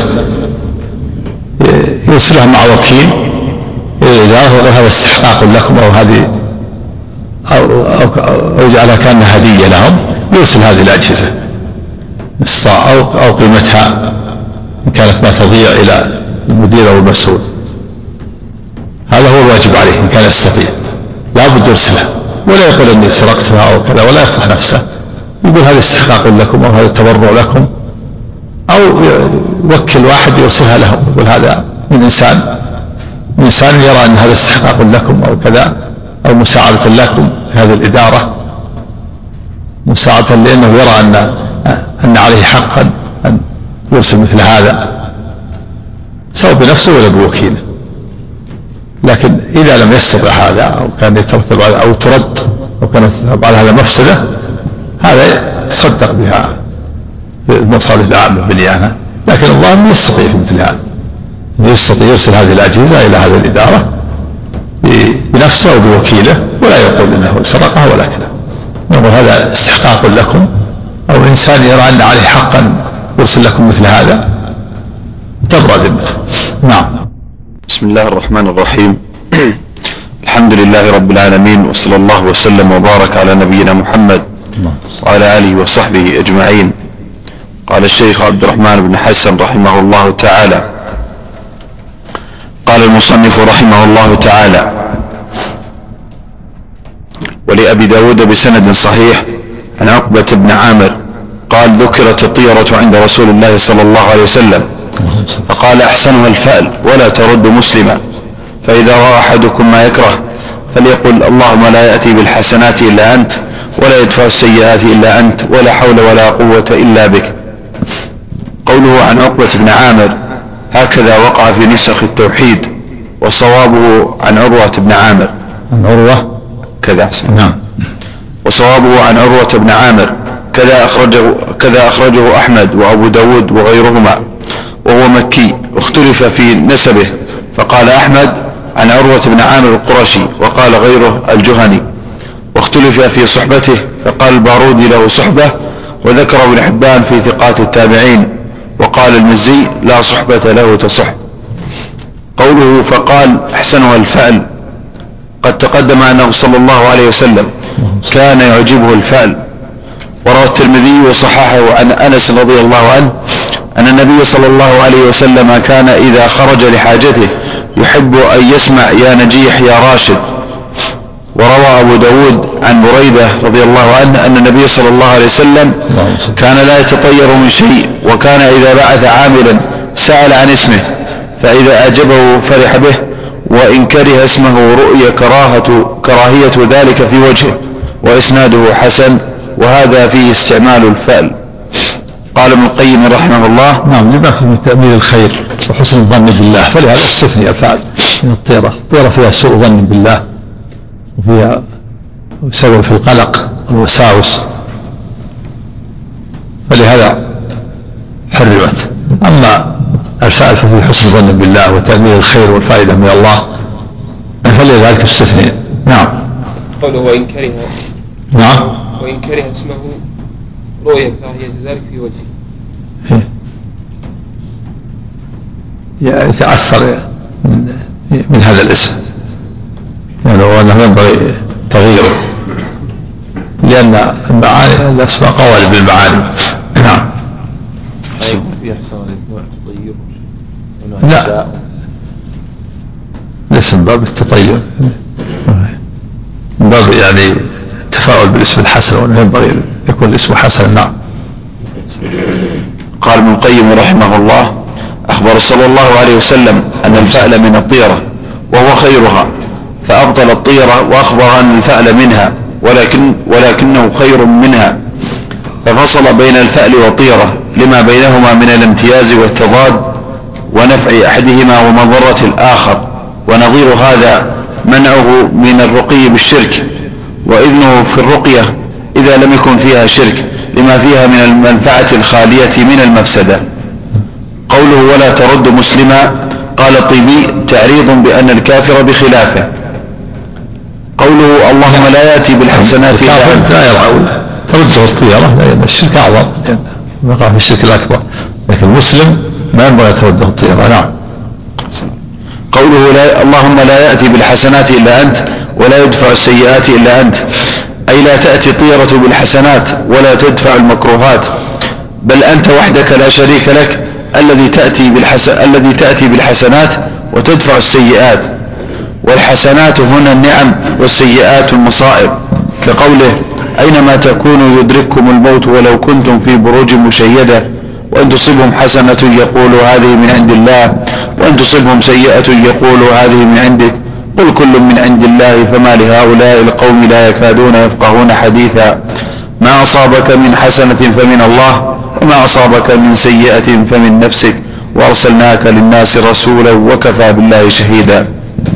ففيه نفي تعلق القلب بغير الله في جلب نفع أو دفع ضر وهذا هو التوحيد وهو دعاء مناسب لمن وقع في قلبه شيء من الطيرة وتصريح بأنها لا تجلب نفعا ولا تدفع ضرا ويعد من اعتقدها سفيها مشركا. قوله ولا حول ولا قوة إلا بك استعانة بالله تعالى على فعل التوكل وعدم الالتفات إلى الطيرة التي تكون سببا لوقوع المكروه عقوبة لفاعلها. وذلك الدعاء إنما يصدر عن حقيقة التوكل الذي هو أقوى الذي هو أقوى الأسباب في جلب الخيرات ودفع المكروهات. والحول والتحول الانتقال من حال إلى حال والقوة على ذلك بالله وحده لا شريك له. وفيه التبري من الحول والقوة. والمشيئة بدون حول الله وقوته ومشيئته. وهذا هو التوحيد في الربوبية وهو الدليل على توحيد الإلهية الذي هو إفراد الله تعالى بجميع أنواع العبادة وهو توحيد القصد والإرادة وقد تقدم بيان ذلك بحمد الله. قال أحسن عليك. وهو الدليل على توحيد الإلهية الذي هو إفراد الله تعالى بجميع أنواع العبادة. توحيد الربوبية هو الدليل على توحيد الألوهية نعم. إفراد الله تعالى بجميع أنواع العبادة وهو توحيد القصد والإرادة. وقد تقدم بيان ذلك بحمد الله. قال المصنف رحمه الله تعالى وعن ابن مسعود مرفوعا الطيرة شرك الطيرة شرك وما منا إلا ولكن الله يذهبه بالتوكل. رواه أبو داود الترمذي وصححه وجعل آخره من قول ابن مسعود. آخر وما منا إلا ولكن الله بالتوكل. يعني هذا مدرج من كلام ابن مسعود. مرفوع الطيرة شرك الطيرة شرك. نعم.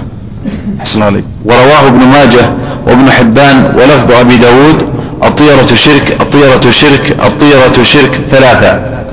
وهذا صريح في تحريم الطيرة وأنها من الشرك لما فيها من تعلق القلب على غير الله تعالى. قال ابن حمدان تكره الطيرة وكذا قال غيره من أصحاب أحمد. قال الكراهة كراهة التحريم. يعني تحرم الطيرة. إذا أطلقت في عرف السلف يراد بها التحريم. كراهة التحريم نعم. قال ابن مفلح والأولى القطع بتحريمها لأنها شرك وكيف يكون الشرك مكروها؟ الكراهية الاصطلاحية. نعم الكراهية الاصطلاحية المتأخرين. كراهة الساعة متأخرين للتنزيه. لكن المراد هنا بكراهة التحليل نعم. قال في شرح السنن وإنما وإنما جعل الطيرة من الشرك لأنهم كانوا يعتقدون أن الطيرة تجلب لهم نفعا أو تدفع عنهم ضرا إذا علموا بموجبه فكأنهم أشركوا مع الله. علم علم بموجبها الموجب يعني النتيجة. أما الموجب بالكسر المقتضي يعلم بموجبها نعم. يعلم بنتيجتها نعم. لأنهم كانوا يعتقدون أن الطيرة تجلب لهم نفعا أو تدفع عنهم ضرا إذا عملوا بموجبه فكأنهم أشركوا مع الله تعالى. قوله وما منا إلا قال أبو القاسم الأصبهاني والمنذري في الحديث إضمار والتقدير وما منا إلا وقد وقع في قلبه شيء من ذلك. انتهى. وقال الخلخالي حذف المس... وقال الخلخالي نعم حذف المستثنى أو حذف المستثنى لما يتضمنه من الحالة المكروهة وهذا من أدب الكلام. قوله ولكن الله يذهبه بالتوكل أي لكن لما توكلنا على الله في جلب النفع أو دفع الضر أذهبه الله عنا بتوكلنا عليه وحده. قوله وجعل آخره من قول ابن مسعود قال ابن القيم وهو الصواب فإن الطيرة نوع من الشرك. قال المصنف رحمه الله تعالى ولأحمد من حديث ابن عمرو من ردته طيرة عن حاجته فقد أشرك. قالوا فما كفارة ذلك؟ قال أن تقول اللهم لا خير إلا خيرك. ولا طير إلا طيرك ولا إله غيرك هذا الحديث رواه أحمد والطبراني عن عبد الله بن عمرو بن العاص وفي إسناده ابن لهيعة وبقية رجاله ثقات. قوله من حديث ابن عمرو هو عبد الله بن عمرو بن العاص بن وائل السهمي أبو محمد رضي الله تعالى عنه وقيل أبو عبد الرحمن أحد السابقين المكثرين من الصحابة وأحد العبادلة الفقهاء مات في ذي الحجة ليالي الحرة على الأصح بالطائف. نعم وهو وهو من العباد المشهورين عبد الله بن عمرو معروف القصة قصة مع النبي صلى الله عليه وسلم أنه كان يصوم النهار ويقوم الليل. كان شاب نشيط ويختم القرآن في كل يوم. فالنبي صلى الله عليه وسلم نصح وأرسل إليه ثم أتى مرة. إليه نصحه. قال له أمر بأن يصوم من كل شهر ثلاثة أيام ثم طلب الاستزادة حتى وصله إلى أن يصوم يوم ويفطر يوم وقال يختم القرآن في كل شهر. وقال إني طلب الزيادة حتى وصله إلى أن يختم في كل سبعة أيام. وقال لا تزد. وكذلك الصلاة. قال له صلوا ونم نعم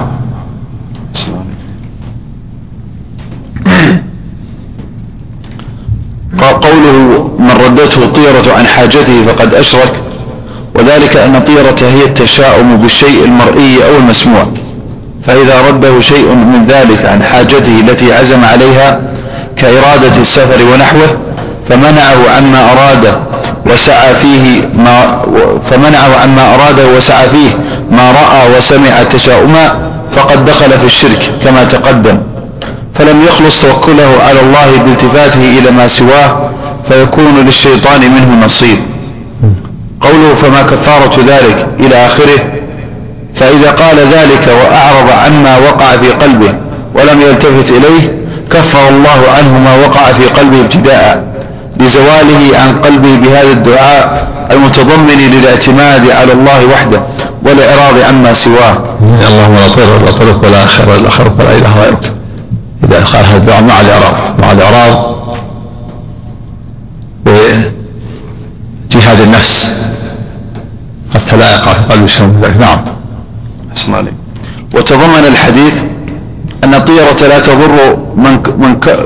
أن الطيرة لا تضر من كرهها ومضى في طريقه وأما من لم يخلص توكله على الله واسترسل مع الشيطان في ذلك فقد, يقع فقد يعاقب بالوقوع فيما يكره لأنه أعرض عن واجب الإيمان بالله.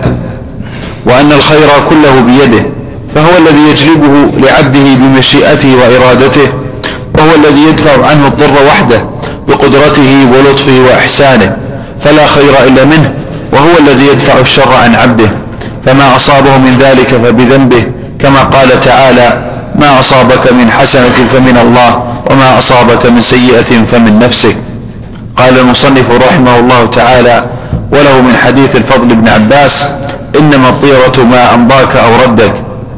هذا الحديث عند الإمام أحمد من حديث الفضل بن عباس. قال خرجت مع رسول الله صلى الله عليه وسلم يوما. فبرح, فبرح ضبي. فمال في شقه فاحتضنته. فقلت يا رسول الله تطيرت. فقال إنما الطيرة ما أمضاك أو ردك. وفي إسناده انقطاع. أي بين مسلمة راويه وبين الفضل. وهو الفضل بن العباس بن عبد المطلب ابن عم النبي صلى الله عليه وسلم رضي عنه قال ابن معين قتل يوم اليرموك وقال غيره. وفي إسناد إيش؟ أحسن الله وفي إسناده انقطاع بين مسلم راويه وبين الفضل. نعم. قال ابن معين قتل يوم اليرموك وقال غيره قتل يوم مرج الصفر سنة ثلاثة عشرة وهو ابن, وهو ابن اثنتين وعشرين سنة. وقال أبو داود قتل بدمشق كان عليه درع النبي صلى الله عليه وسلم. قوله إنما الطيرة الله الشواهد أن الطيرة هي التي تمر الإنسان وترده شواهد كان فيه انقطاع. نعم. قوله إنما الطيرة ما أمضاك أو ردك. هذا حد الطيرة المنهي عنها لأنها ما يحمل الإنسان على المضي فيما أراده ويمنعه من المضي فيه كذلك. وأما الفأل الذي كان يحبه النبي صلى الله عليه وسلم فيه نوع بشارة فيسر به العبد ولا يعتمد عليه بخلاف ما يمضيه أو يرده فإن القلب عليه نوع اعتماد فافهم الفرق والله أعلم. قال أحسن عليك. قوله إنما طيرة ما أمضاك أو ردك هذا حد طيرة المنهي عنها لأنها ما يحمل الإنسان على المضي فيما أراده ويمنعه من المضي فيه كذلك. وأما الفأل الذي كان يحبه النبي صلى الله عليه وسلم فيه نوع بشارة فيسر به العبد ولا يعتمد عليه. بخلاف ما يمضيه أو يرده فإن, فإن القلب عليه نوع اعتماد فافهم الفرق والله أعلم. لا شك أنه لولا أنه القلب اعتمد عليه ما ما مضى أو امتنع أو أحجم. ولهذا يكون فالنبي صلى الله عليه وسلم يعني بالاقتصار على الكراهية ليس من الطيرة نعم الفاء نعم. يعني يكره ويمضي في, في نعم. كما يكره في نفسه. لأنه عليه الصلاة والسلام يحب الفاء الحسن ويحب الاسم الحسن. حسن علي. قال المصنف رحمه الله فيه مسائل. الأولى التنبيه على قوله ألا إنما طائرهم عند الله مع قوله طائركم معكم. نعم. أو أن هذا من من أخلاق المشركين. التطير نعم. الثانية نفي العدوى. يعني الوجه الذي يعتقده الجاهلية. نعم. الثالثة نفي الطيرة. كذلك. وأنها لا, لا تضر ولا تؤثر إلا بمشيئة الله. نعم. الرابعة نفي الهامة. الهامة كذلك. يعتقده الجاهلية. البومة وأنها تنعى إليهم إليهم أحدا. نعم. الخامسة نفي الصفر. الصفر نعم. كذلك الشهر الصفر أو أو الحية أو الباطن أو النسيء وهذا ما في باطل نعم. السادسة أن الفأل ليس من ذلك بل مستحب. نعم. السابع تفسير الفأل. نعم. وأنه الكلمة الطيبة نعم. الثامنة أن الواقع في القلوب من ذلك مع كراهته لا يضر بل. يذهبه الله بالتوكل. نعم. مثل كون يكره الاسم السيء. أن إيش؟ أعد الثامنة أن الواقع في القلوب من ذلك مع كراهته لا يضر نعم. بل يذهبه الله بالتوكل نعم. التاسعة ذكر ما يقول ذكر ما يقول من وجده. وليس من ذلك. يقول الدعاء. الدعاء مع آه، إزالة هذا من نفسه وجهاد في إزالة الوساوس. نعم. العاشرة تصريح بأن الطيرة شرك. نعم. الطيرة في هذه المسألة الطيرة شرك نعم. الحادية عشرة تفسير الطيرة المذمومة. نعم وأنها ما أضاك أود نعم. باب ما جاء في التنجيم. نعم. سم سم أحسن عليكم. قال الفقه يقاس على الصداق موقف الصداق. الترمذي يمكن يمكن في القراءة بعد ما نقرأه. بسم الله عليك. بسم الله الرحمن الرحيم. الحمد لله رب العالمين. صلى الله وسلم وبارك على نبينا محمد وعلى آله وصحبه أجمعين. قال الشيخ عبد الرحمن بن حسن رحمه الله تعالى باب ما جاء في التنجيم. قال المصنف رحمه الله تعالى باب ما جاء في التنجيم. قال شيخ الإسلام التنجيم هو الاستدلال بالأحوال الفلكية على الحوادث الأرضية. وقال الخطابي علم النجوم المنهي عنه ما يدعيه أهل التنجيم.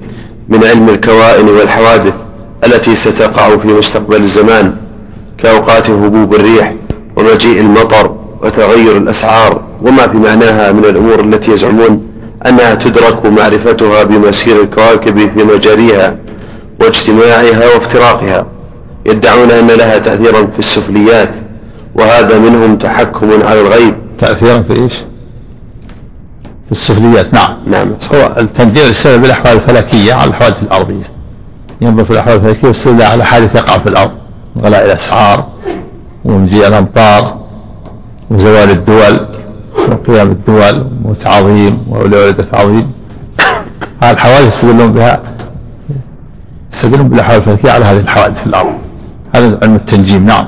حسن عليك هو كما سبق ثلاثة أنواع النوع الأول أن يعتقد أن النجوم مؤثرة بذاتها وهذا هذا شرك أكبر وهو شرك الصابئة قوم إبراهيم. والثاني أن لا يعتقد أن لها تأثير لكن يستدل باجتماعها وافتراقها على علم الغيب على وقوع هذه الأشياء وهذا أيضا كذلك شرك. وهذان النوعان يسموان علم التأثير. والنوع الثالث علم التفسير وهو أن يستدل بالنجوم والكواكب على معرفة القبلة وفصول السنة. معرفة أوقات البذر يستدل بها في, في الطرق في يستدل بها المسافر في البر وفي البحر وهذا لا بأس به عند جمهور العلماء. وبعض العلماء منع منه كما سيذكر المؤلف. نعم.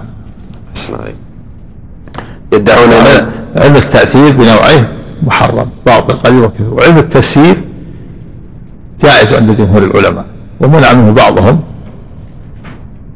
له وسيلة. نعم. إلى علم التأثير. نعم. حسن عليك يدعون أن لها تأثيرا في السفليات وهذا منهم تحكم على الغيب وتعاط لعلم قد استأثر الله به لا يعلم الغيب سواه. قال المصنف رحمه الله تعالى قال البخاري في صحيحه قال قتادة خلق الله هذه النجوم لثلاث زينة للسماء ورجوما للشياطين وعلامات يهتدى بها فمن تأول فيها غير ذلك أخطأ. وأضاع نصيبه وتكلف ما لا علم له به. انتهى. هذا الأثر علقه البخاري في صحيحه وأخرجه عبد الرزاق وعبد بن حميد وابن جرير وابن المنذر وغيرهم وغيرهم. وأخرج الخطيب في كتاب النجوم عن قتادة ولفظه قال إنما جعل الله هذه النجوم لثلاث خصال جعلها زينة للسماء وجعلها يهتدى بها وجعلها رجوما للشياطين فمن تعاطى فيها غير ذلك فقد قال برأيه وأخطأ حظه وأضاع نصيبه وتكلف ما لا علم له به. وإن ناسا جهلة بأمر الله قد أحدثوا في هذه النجوم كهانة. من أعرس بنجم كذا وكذا كان كذا وكذا. ومن سافر بنجم كذا وكذا كان كذا وكذا. ولعمري ما نجم إلا يولد به الأحمر والأسود والطويل والقصير والحسن والدميم. وما علم وما علم هذه النجوم وما علم هذه النجوم وهذه الدابة وهذا الطائر بشيء من هذا الغيب. ولو أن أحدا شيء من هذا الغيب؟ نعم. نعم. ما ما عندنا شيء. النجوم ليس عندها شيء. لو لا عندها شيء. الأمر بيد الله. نعم. عليك. ولو أن أحدا علم الغيب لعلمه آدم الذي خلقه الله بيده وأسجد له ملائكته وعلمه أسماء كل شيء انتهى. أحسن عليكم ذكروا إيش هذا؟ عن, من؟ روى من هذا؟ قال الخطيب في كتاب النجوم عن قتادة. إيش قال؟ عليه التعليق؟ ما ذكر له سند تخريج تكلم عليه؟ ما خرج عليك. نعم. تعليق ذكر أحسن عليك الحافظ بن حجر. قال قال الداودي قول قتادة في النجوم قول قتادة في النجوم حسن إلا قوله أخطأ وأضاع نفسه. فإنه قصر في ذلك بل قائل ذلك كافر. انتهى. ثم قال الحافظ ولم يتعين الكفر في حق من قال ذلك وإنما يكفر من نسب الاختراع إليها. وأما من جعل علامة على حدوث أمر في الأرض فلا. وقد تقدم تقرير ذلك وتفصيله في الكلام على حديث زيد بن خالد في من قال مطرنا بنوء كذا. من جعل هذا كان علامة على حدوث الأرض هذا ادعى بها عن الغيب. الصواب أنه يكفر. جعل النجوم علامة على تغير الأسعار ومجيء الأمطار وقيام الدول.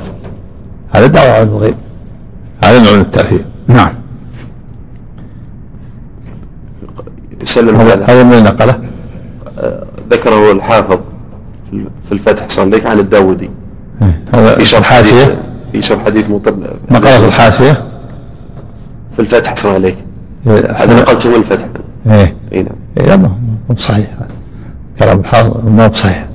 هذا من دعوة علم الغيب. الصواب أنه من دعوة علم الغيب يكفر. جعل علامة على حدوث الله يقول جعلها علامة. يكفر. حتى لو جعل علامة. جعل علامة يعني ادعى بها علم الغيب. ينظر في النجوم إذا إذا اجتمعت جاء مطر إذا افترقت ولد ملك. إذا كذا تغير السبب هذه العلامة. هذا معناه دعوة علم الغيب. نعم. هذا النوع الثاني من علم التأثير. نعم. الاستدراك الداودي جيد أحسن عليك على قتادة. قوله أخطأ وضع نفسه قال فإنه قصر بل قال ذلك كافر. لا في في تفصيل. في تفصيل. وقصر هو كلامه عام يشمل. أخطأ ووضع نصيبه وتكلم ما لا علم به يشمل الكافر والمؤمن. والكافر أخطأ ووضع نصيبه وتكلم ما لا علم له به. يعني مجمل كان. نعم. وتأمل ما أنكره هذا الإمام. مما حدث من هذه المنكرات في عصر التابعين وما زال الشر يزداد في كل عصر بعدهم حتى بلغ الغاية في هذه الأعصار وعمت به البلوى في جميع الأمصار. وتأمل ما هذا الإمام قتادة. وتأمل. أحسن عليك. وتأمل ما أنكره هذا الإمام مما حدث من هذه المنكرات في عصر التابعين. وما زال الشر يزداد في كل عصر بعده لأنه قد يدعي بها غير الثلاثة ولا يكون كفر. ويكون أخطأ وضع نصير وتكلف ما لا علم له به.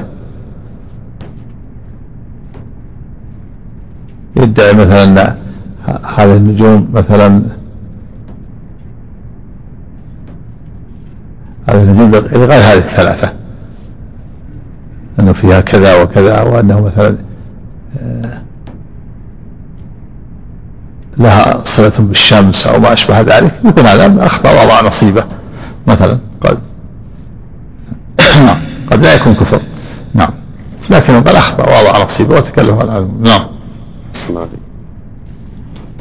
قال وما زال الشر يزداد في كل عصر بعدهم حتى بلغ الغاية في هذه الأعصار وعمت به البلوى في جميع لو ادعى أحد في زمن النجوم أو القمر. أنه من فوائدها الناس يصلون إليه والناس يسكنون فيه وما أشبه ذلك. هذا كذلك. هذا أخطأ وضع وتكلم على علم. نعم. قال وما زال الشر يزداد في كل عصر بعدهم. حتى بلغ الغاية في هذه الأعصار وعمت به البلوى في جميع الأمصار فمقل ومستكثر وعز في الناس من ينكره وعظمت المصيبة في الدين فإنا لله وإنا إليه راجعون. قوله خلق الله هذه النجوم لثلاث. قال الله تعالى ولقد زينا السماء الدنيا بمصابيح وجعلناها رجوما للشياطين. وقال تعالى وعلامات وبالنجم هم يهتدون. وفيه هذه الفوائد اللي ذكرها في الآيات. زين السماء بالمصابيح هذه هذه زينة للسماء. وجعلها رجوع للشياطين هذه الثانية. وعلامة النجوم يهتدون هذه الحكمة الثالثة. نعم. وفيه إشارة إلى أن النجوم في السماء الدنيا. كما روى ابن مردويه عن ابن مسعود رضي الله عنه قال قال رسول الله صلى الله عليه وسلم أما السماء الدنيا فإن الله خلقها من دخان وجعل فيها سراجا وقمرا منيرا وزينها بمصابيح وجعلها رجوما للشياطين وحفظا من كل شيطان رجيم. قوله وعلامات أي دلالات على الجهات يهتدى بها أي يهتدى بها أي يهتدي بها الناس في ذلك كما قال تعالى وهو الذي جعل لكم النجوم لتهتدوا بها في ظلمات البر والبحر أي ليعرفوا بها جهة قصدهم وليس المراد أنه يهتدى بها في علم الغيب كما يعتقده المنجمون. وقد تقدم بطلانه وأنه لا حقيقة له كما قال قتادة فمن تأول فيها غير ذلك أي زعم فيها غير ما ذكر الله في كتابه من هذه الثلاث فقد أخطأ حيث زعم شيئا ما أنزل الله به من سلطان وأضاع نصيبه من كل خير. لأنه أشغل نفسه بما يضره ولا ينفعه. فإن قيل المنجم قد يصدق قيل صدقه كصدق الكاهن يصدق في كلمة ويكذب في مئة وصدقه ليس عن علم بل قد وافق بل قد يوافق قدرا فيكون فتنة في حق من صدقه وعن ابن عباس رضي الله عنهما بقوله تعالى وألقى في الأرض رواسي أن تميد بكم وأنهارا وسبلا لعلكم تهتدون وعلامات وبالنجم هم يهتدون. فقوله علامات معطوف على ما تقدم مما ذكره في الأرض ثم استأنف فقال وبالنجم هم يهتدون ذكره ابن جرير عن ابن عباس بمعناه. وقد جاءت الأحاديث عن النبي صلى الله عليه وسلم بإبطال علم التنجيم كقوله من اقتبس شعبة من النجوم فقد اقتبس شعبة من السحر زاد ما زاد وعن رجاء بن حيوة أن النبي صلى الله عليه وسلم قال مما أخاف على أمتي التصديق بالنجوم والتكذيب بالقدر وحيف الأئمة رواه عبد بن حميد. إنما أخاف على أمتي التصديق. نعم. أسمع لي. قال مما أخاف على أمتي. ما ي- التصديق. ما مفعول؟ ما يكون مفعول به أسمع لي. لا. مبتدأ مؤخر تصديق بالنجوم. نعم. مما أخر نعم. عندك إن إذا كانت جاءت إن تصير تصديقا نعم. لو يحتمل آه، إن الذي أخاف على أمر إذا كنت خبر تصديق إن الذي إن مما أخاف على أمر تصديق تصير إن لا إن مما أخاف إن الذي اسم الموصول هو اسمها منصوب تصديق خبر. تصديق تصديق مرفوع نعم. أحسن ها من- منا ولا إن الذي. مما صار جار مجرور خبر مقدم. تصديق منصوب. إذا جاءت إذا كان جار مجرور ها؟ نعم. إيه. هذا إن جاءت إن وإذا ما جاءت إن تكون مرفوعة تصديقه خلاص نعم. عندي بدون إن أحسن قال تصديق. نعم. مما أخاف على أمتي التصديق بالنجوم والتكذيب بالقدر وحيف الأئمة. رواه عبد بن حميد. وعن أبي محجن مرفوعا أخاف على أمتي ثلاثة. وعن أبي وعن أبي محجن محجن؟ نعم. نعم. وعن أبي محجن مرفوعا أخاف على أمتي ثلاثة. حيث الأئمة وإيمانا بالنجوم وتكذيبا بالقدر. رواه ابن عساكر وحسنه السيوطي. وعن أنس مرفوعا أخاف على أمتي بعدي خصلتين. تكذيبا بالقدر وإيمانا بالنجوم. خافوا؟ نعم. أخاف على أمتي بعدي خصلتين. نعم. تكذيبا بالقدر وإيمانا بالنجوم. رواه أبو يعلى وابن, وابن عدي والخطيب في كتاب النجوم وحسنه السيوطي أيضا. والأحاديث في ذم التنجيم والتحذير منه كثيرة. قال المصنف رحمه الله تعالى وكره قتادة وكره قتادة تعلم منازل القمر ولم يرخص ابن عيينة فيه ذكره حرب عنهما ورخص في تعلم المنازل أحمد وإسحاق. هذا الخلاف في علم التفسير. كره قتادة تعلم منزل القمر وكذلك ابن عيينة سفيان بن عيينة رخص فيه. ورخص أحمد وإسحاق والجمهور. نعم. قال الخطابي أما علم النجوم الذي يدرك من طريق المشاهدة والخبر الذي يعرف به الزوال وتعلم به جهة القبلة فإنه غير داخل فإنه غير داخل فيما نهى عنه. ما نهي عنه. وهو وهو علم التفسير. نعم. أحسن عليك. قال فإنه غير داخل فيما نهي عنه وذلك أن معرفة رصد الظل ليس شيئا بأكثر من أن الظل ما دام متناقصا فالشمس بعد صاعدة فالشمس بعد صاعدة نحو وسط السماء من الأفق الشرقي. وإذا أخذ في الزيادة فالشمس هابطة من وسط السماء نحو الأفق الغربي. وهذا علم يصح إدراكه بالمشاهدة إلا أن أهل هذه الصناعة قد دبروها بما اتخذوا له من الآلات التي يستغني الناظر فيها عن مراعاة مدته ومراصدته. إلا أن أحسن الله عليك قال إلا أن أهل هذه الصناعة نعم. قد دبروها بما اتخذوا له من الآلات التي يستغني الناظر فيها عن مراعاة مدته ومراصدته.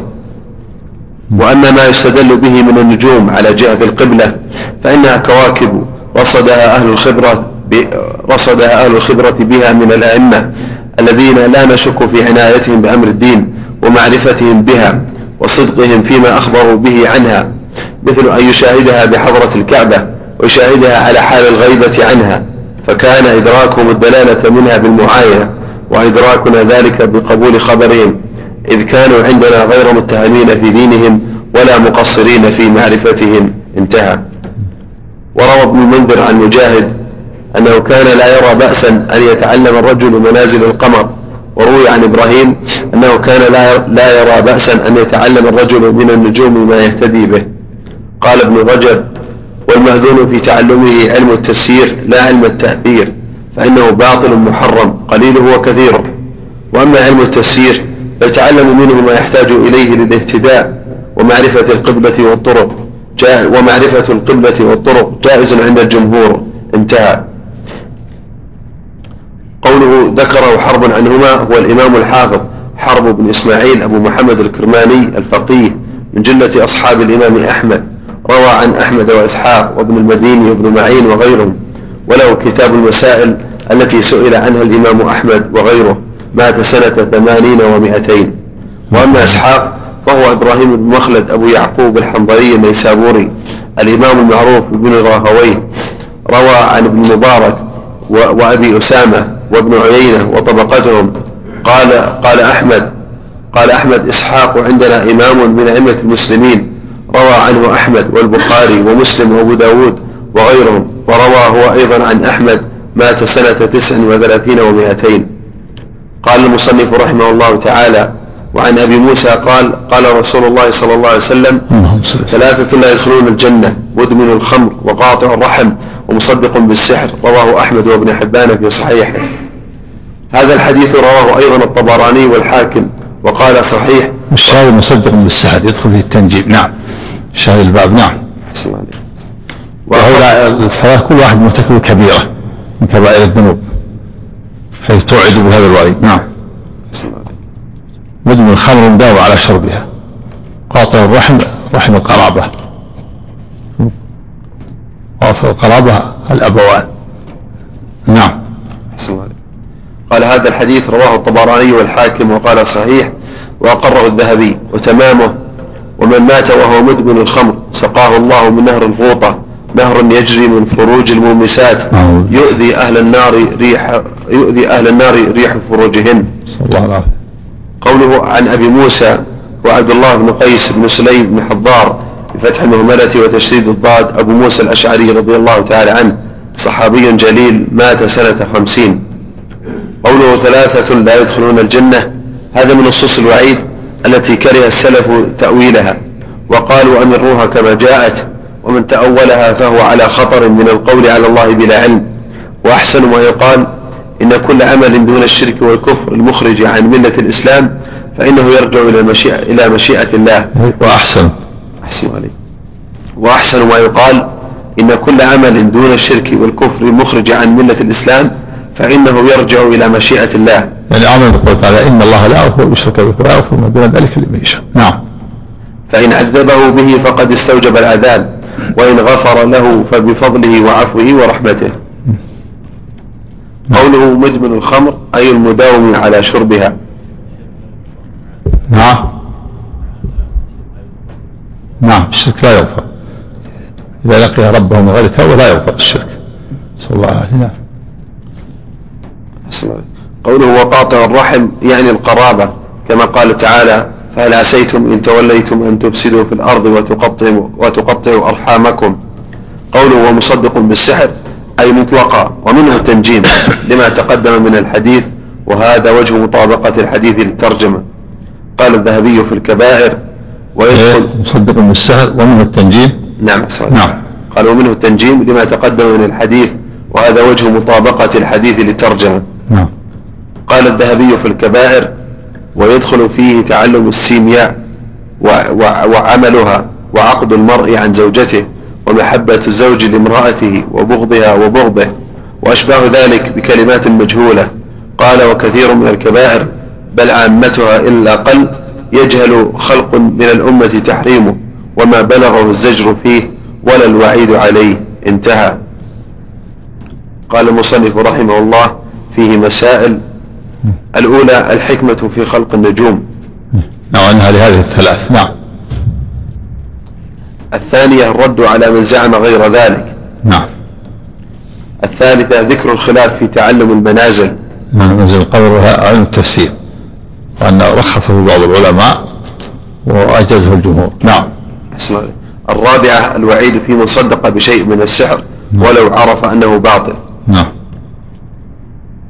باب ما جاء في الاستسقاء بالأنواع. بارك سم سم التمرين باقي وقت نقرأ نأجل الحين.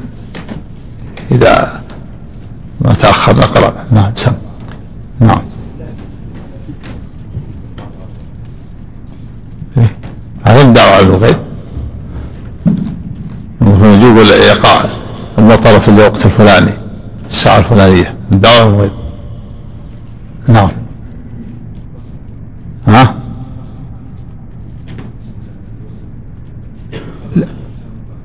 لا هذه تدل على معرفة دخول معرفة دخول الوسم ودخول الفصول ووقت وقت الزرع ووقت البذر هذا كله من التسهيل. لكن ينظر النجم سيقع اليوم الفلاني مطر أما يقول دخل الفصل الثاني يتوقع نزول المطر العادة أجرى الله العادة أن ينزل المطر لا. لكن يقول الآن نظر في النجوم قال سينزل مطر في الساعة الفلانية. لأن, لأن نظرت في النجم وإذا طلع النجم لابد أن ينزل مطر مطر هذا الممنوع. نعم. ها؟ هذا كان عن- عندهم ذلك